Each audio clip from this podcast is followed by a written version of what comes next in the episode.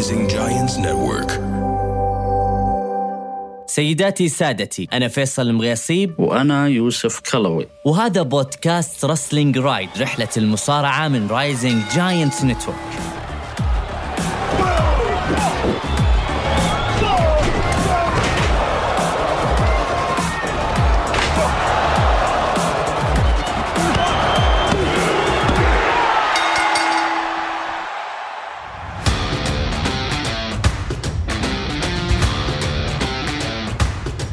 يوم جديد وبودكاست جديد في هذا الأسبوع المميز أسبوع رسلمينيا كنا معاكم أمس واليوم حنا معاكم والبكرة حنا معاكم أيضا إن شاء الله في هذا الأسبوع المميز حلقات بودكاست يومية في هذا الأسبوع أسبوع الرسلمينيا ايج the Rated R Superstar يجد نفسه في main event رسلمينيا بعد عشر سنوات لآخر main event تم تصدره من قبل هذا النجم. wow لحظات تاريخية نجم مميز. خلونا نفصل معاكم في حلقة اليوم. let's go طبعا يا شباب في عام 2011 يعني قبل عشر سنوات من الآن الأسطورة الكندية ايج the R Superstar كان هو بطل العالم في عرض سماك داون. وفاز في نفس السنة ألبرتو دريو بمباراة الرويال رامبل. وتقرر بسبب أن دريو موجود في عرض سماك داون وإيج في سماك داون أن يتواجهوا في رسلمينيا المباراة كانت أول مباراة في عرض رسلمينيا ما كانت ال main event. لكن تعتبر هي المباراة الرئيسية لعرض سماك داون لأن فيها البطل ضد الفائز بالرويال رامبل. فما راح تقدر توصل مباراة أعلى من هذه. وفاز في تلك المباراة اللي كانت الافتتاحية إيج وحافظ على بطولة العالم في عام 2011 ولكنه بعد هذه الرسلمينيا بليلة واحدة ظهر إيج في عرض الرو. كان حزين كانت عيونه تغرغر بالدموع. ليش؟ يقول الفريق الطبي اكتشفوا إصابتي إصابة مزمنة لا يمكن شفاؤها. هذا حديثه قبل عشر سنوات وإني يجب أن أعتزل المصارعة حاليا. ويجب أن أسلم بطولة العالم. وبالفعل في نفس الأسبوع في آخر الأسبوع في عرض سماك داون واللي كان إيج جزء منه سلم إيج بطولة العالم ودع المصارعين ودع جميع الحضور في سماك داون في تلك الليلة. بعد عقد من الزمان عام 2020 في مفاجأة غير متوقعة وبالتحديد في مباراة رويال رامبل الرجالية. يدخل إيج ويعود إلى WWE. في لحظة ما زالوا كل الناس يتذكرونها. wow كيف عاد إيج؟ إيج خلال انقطاعه كان يصور برنامج أو vlog اللي هو يعني مدونة شخصية أو شيء زي كذا مع شيمس النجم الأيرلندي. وكان شيمس وإيج يقومون ب يعني نوع من الرياضات ألا وهي ركوب الدراجات على مرتفعات يعني الجو الحلو والهواء الطلق. سبحان الله في ذلك ال vlog سقط إيج. سقطة قوية. فكان يقول أتوقع أني راح يكون فيني كثير من الإصابات. هذا الكلام كان يقوله خلال ال vlog. لكن لما راح كشف وفحص قالوا له جسمك سليم. يخلو من أي إصابة رغم أن سقطته كانت قوية. فبعد ذلك ال vlog كان يقول إيج تلك الشرارة اللي جعلتني أفكر بالعودة ل WWE. فقام إيج وعمل الفحوصات وعاد للعيادات وقالوا له جسمك سليم.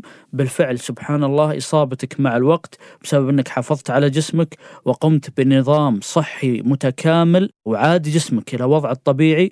وحنا نقدر نعطيك ال green light أو الضوء الأخضر بأنك تعود للحلبات. نعم ولما عاد إيج عام 2020 توقعنا أن يكون ظهوره لليلة واحدة ولكنه انخرط بعداوة مع راندي أورتن.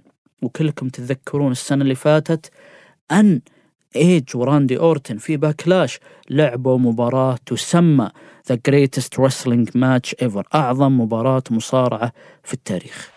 طبعا هذا الجزء القديم من القصة 2020 السنة اللي فاتت. هذا الكلام خلاص انتهى. السنة هذه 2021 واللي ما مر منها إلا أربع شهور عاد إيج في عرض الرويال رامبل من رقم واحد وفاز بعرض الرويال رامبل. وقرر أن يتحدى رومان رينز في رسلمينيا في ال main event.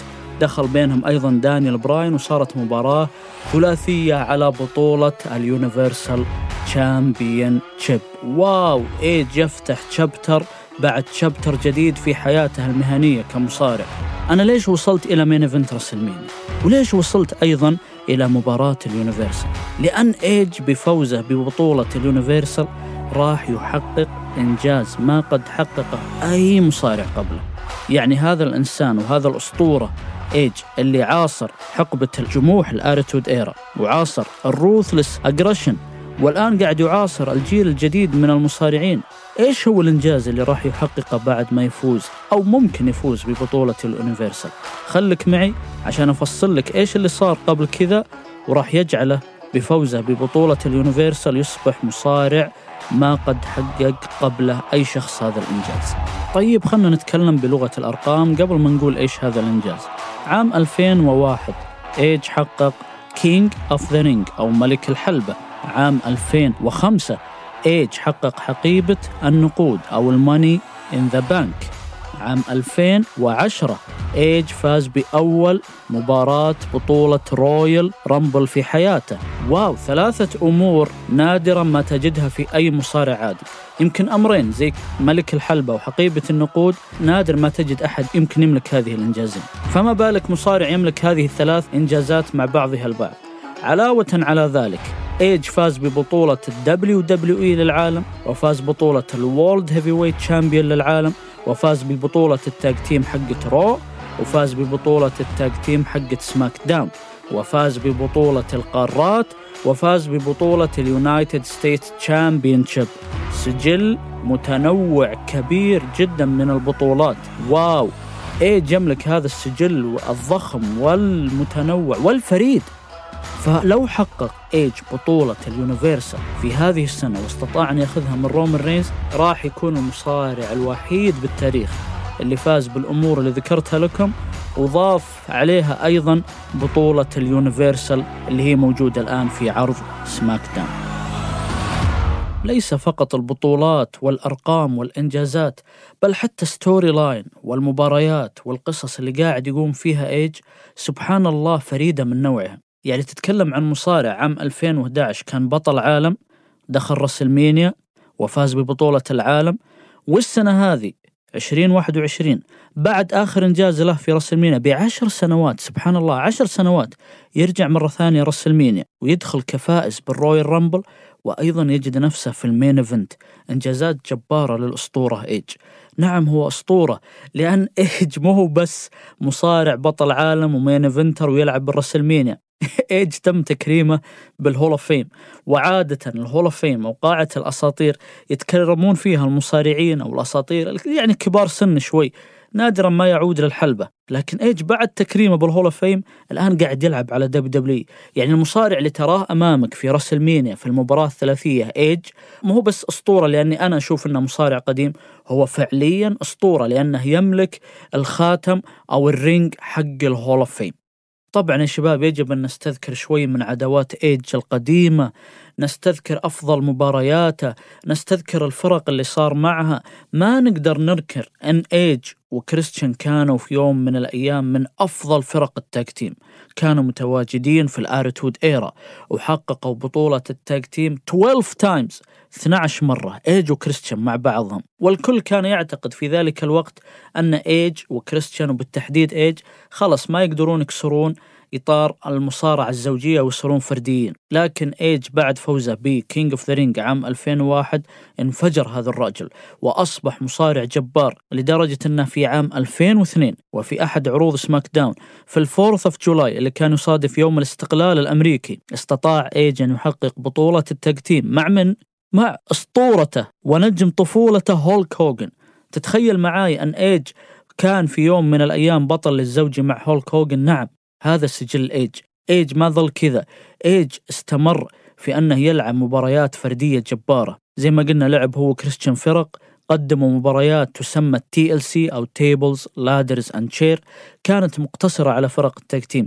لكن ايج لعب في هذه المباراة الفردية وحولها إلى مباراة فردية وأشهر مباراة كانت في عداوته ضد جون سينا. نعم خسرها ايج لكنه لعب ضد جون سينا مباراة TLC wow! واستقبل ايج حركة جون سينا النهائية. Attitude Adjustment من فوق السلم على ثلاث طاولات. كانت مباراة أسطورية لكنه خسر. بس رجع فاز.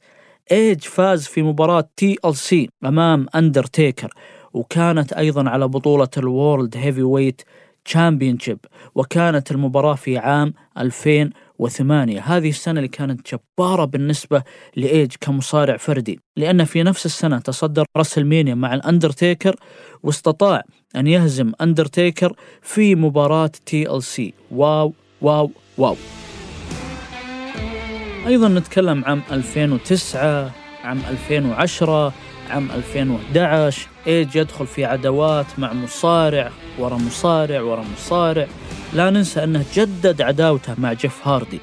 بعد ما كان جيف هاردي والهاردي بويز ضد إيج وكريستيان الآن صارت عداوة فردية وقدموا لنا سلسلة من المباريات الرائعة إيج وجيف هاردي. إيج في ذلك الوقت أيضا انخرط بعداوة مع سي إم بانك. نعم سي إم بانك هذا المصارع المتمرد.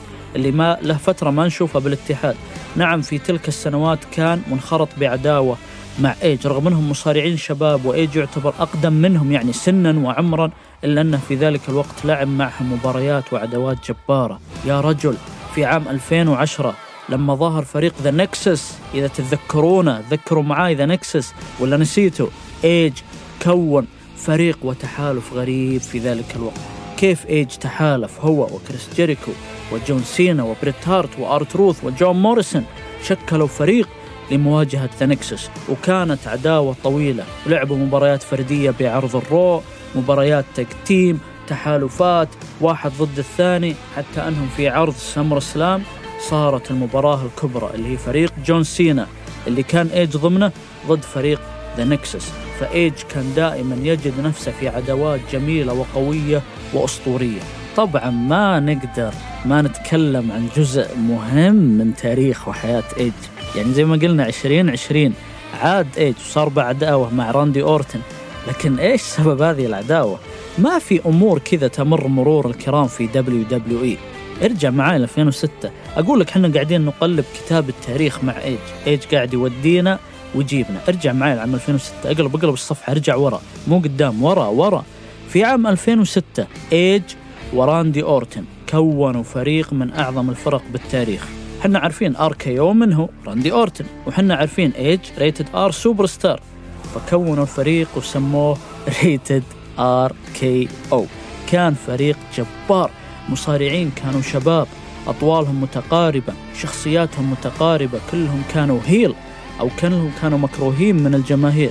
وكان سبحان الله في نفس السنة عودة وتحالف فريق DX تتخيل معاي إن راندي أورتن وإيج صار بينهم عداوة أسطورية مع شون مايكلز وتربل إتش بل أن إيج وراندي أورتن استطاعوا تحقيق بطولة tag team في ذلك الوقت وكانوا متحالفين solid جامدين مع بعضهم لدرجة أنهم استطاعوا الفوز على فريق DX اللي زي ما قلت لكم شون مايكلز وتربل إتش. أيضا ارجع معاي بكتاب التاريخ ارجع ورا ارجع معاي لعام 2002 اي استحدث ال draft في ذلك الوقت وإيج كان ذلك النجم الصاعد ونقلوه إلى عرض SmackDown عرض SmackDown كان مسجل في عام 2002 وعرض Raw كان يعرض بشكل مباشر. لكن بفضل الله وبفضل نجوم زي إيج عرض SmackDown كان هو الأفضل وقاعد ينافس عرض ال Raw بالمشاهدات. إيج لعب عداوات جميلة في ذلك الوقت 2002 ضد مصارعين أمثال كيرت إنجل أمثال إيدي غوريرو. إيج في عرض SmackDown نفسه لعب مباراة ladder أو سلالم ضد إيدي غوريرو كانت تاريخية. إيج انخرط في عداوة أيضا تاريخية مع كيرت إنجل. وأنتهت مباراة hair ضد hair شعر ضد شعر واستطاع إيج الانتصار فيها وحلق شعر كرت انجل وكرت أنجل ما زلنا نراه أصلع ليومنا هذا بسبب تلك المباراة اللي كانت مع إيج. إيج أيضا في عداوته مع كرت أنجل هو اللي استحدث كلمة you suck واللي زالت مرتبطة بدخول كرت أنجل. wow إيج تضعه أمام أي مصارع ويتحالف مع أي مصارع، مصارع جبار حقق إنجازات وبطولات أرقام عالية جدا، لا يستطيع أحد أن يصل إلى مكانته. ماذا سيفعل في WrestleMania إن شاء الله؟ هذا الأحد وإيش راح يكون دوره في المباراة الثلاثية أمام دانيال براين ورومن رينز؟ لأن إيج السنة هذه تحول إلى المكروه. نعم بداية السنة و2020 كان محبوب بس لما دخل دانيال براين دخله آدم بيرز تحول إيج المكروه أقول لك مصارع متنوع ما تطفش ما تمل منه أبدا. فإيش راح يصير بينهم في الليلة الثانية من WrestleMania بإذن الله؟ هذه كانت حلقتنا اليوم يا شباب. كالعادة الأسطوانة. تابعوني على تويتر يوسف كلوي. تابعوا زميلي فيصل المغيسيب أيضا على تويتر. وأيضا قيمونا يا شباب. بين قوسين تحتها خطين اعطونا 5 stars وخلوكم معنا زي ما يقولون على السمع. لأن حنا الأسبوع هذا بإذن الله كل يوم حلقة. لأن أسبوع ال WrestleMania وأيضا بعد ال WrestleMania عندنا حلقتين إن شاء الله. بعد أول ليلة ليوم السبت. وبعد ثاني ليلة اللي هي يوم الأحد. واللي راح تكون وتتوجها الجماهير بعودتها وحضورها مرة أخرى إلى مقاعد دبليو شكرا لكم يعطيكم العافية.